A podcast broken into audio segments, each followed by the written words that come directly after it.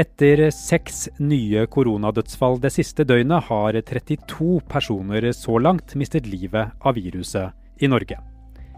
Dette er korona kort forklart fra Aftenposten. Det er mandag ettermiddag 30. mars.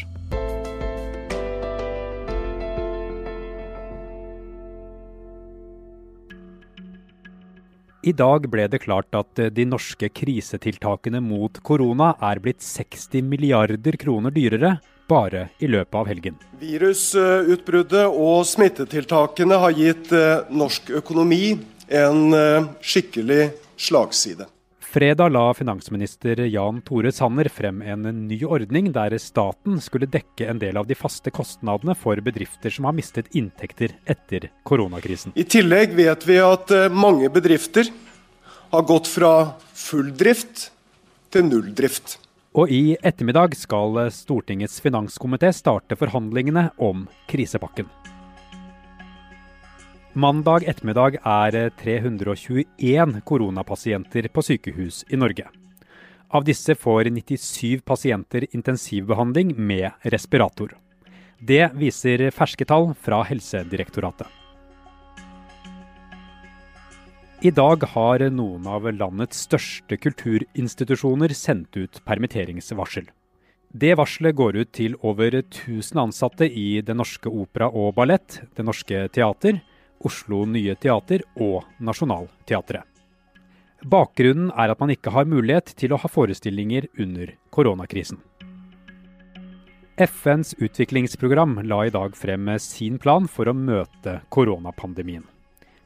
De frykter at pandemien vil rasere utviklingsland og resultere i millioner av nye fattige. De advarer om at nær halvparten av arbeidsplassene i Afrika kan gå tapt.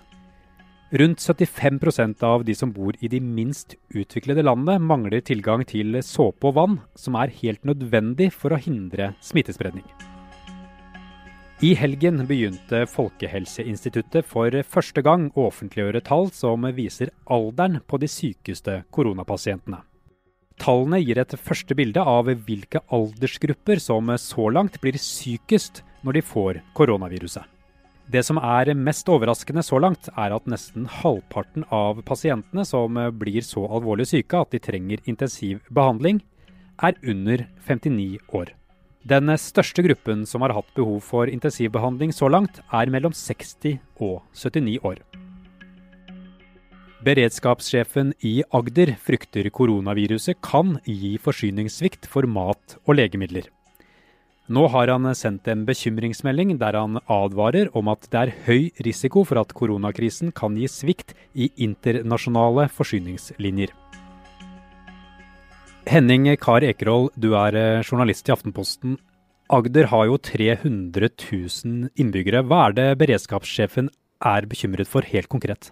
Ja, Helt konkret så har eh, beredskapssjefen sendt et brev til eh, de nasjonale beredskapsmyndighetene og gitt uttrykk for at eh, de er bekymra for at forsyningslinjene for matvarer og legemidler kan bli redusert eller ødelagt som følge av koronakrisen. Og Grunnen til det er at den forsyningslinja er internasjonal og avhengig av at det er mulig å frakte varer rundt omkring i verden.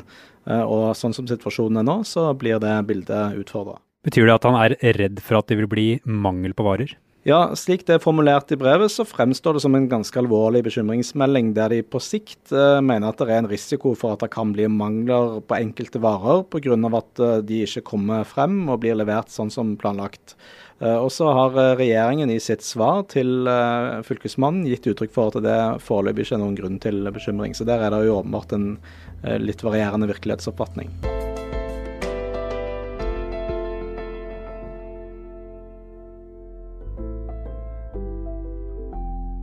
Det her var korona kort forklart. Vi gir deg det viktigste om koronaviruset de ettermiddagene det er noe nytt å fortelle. Jeg heter Andreas Bakke Foss, og hvis du har spørsmål eller tilbakemeldinger, er det lettest å nå oss på Facebook-siden Forklart.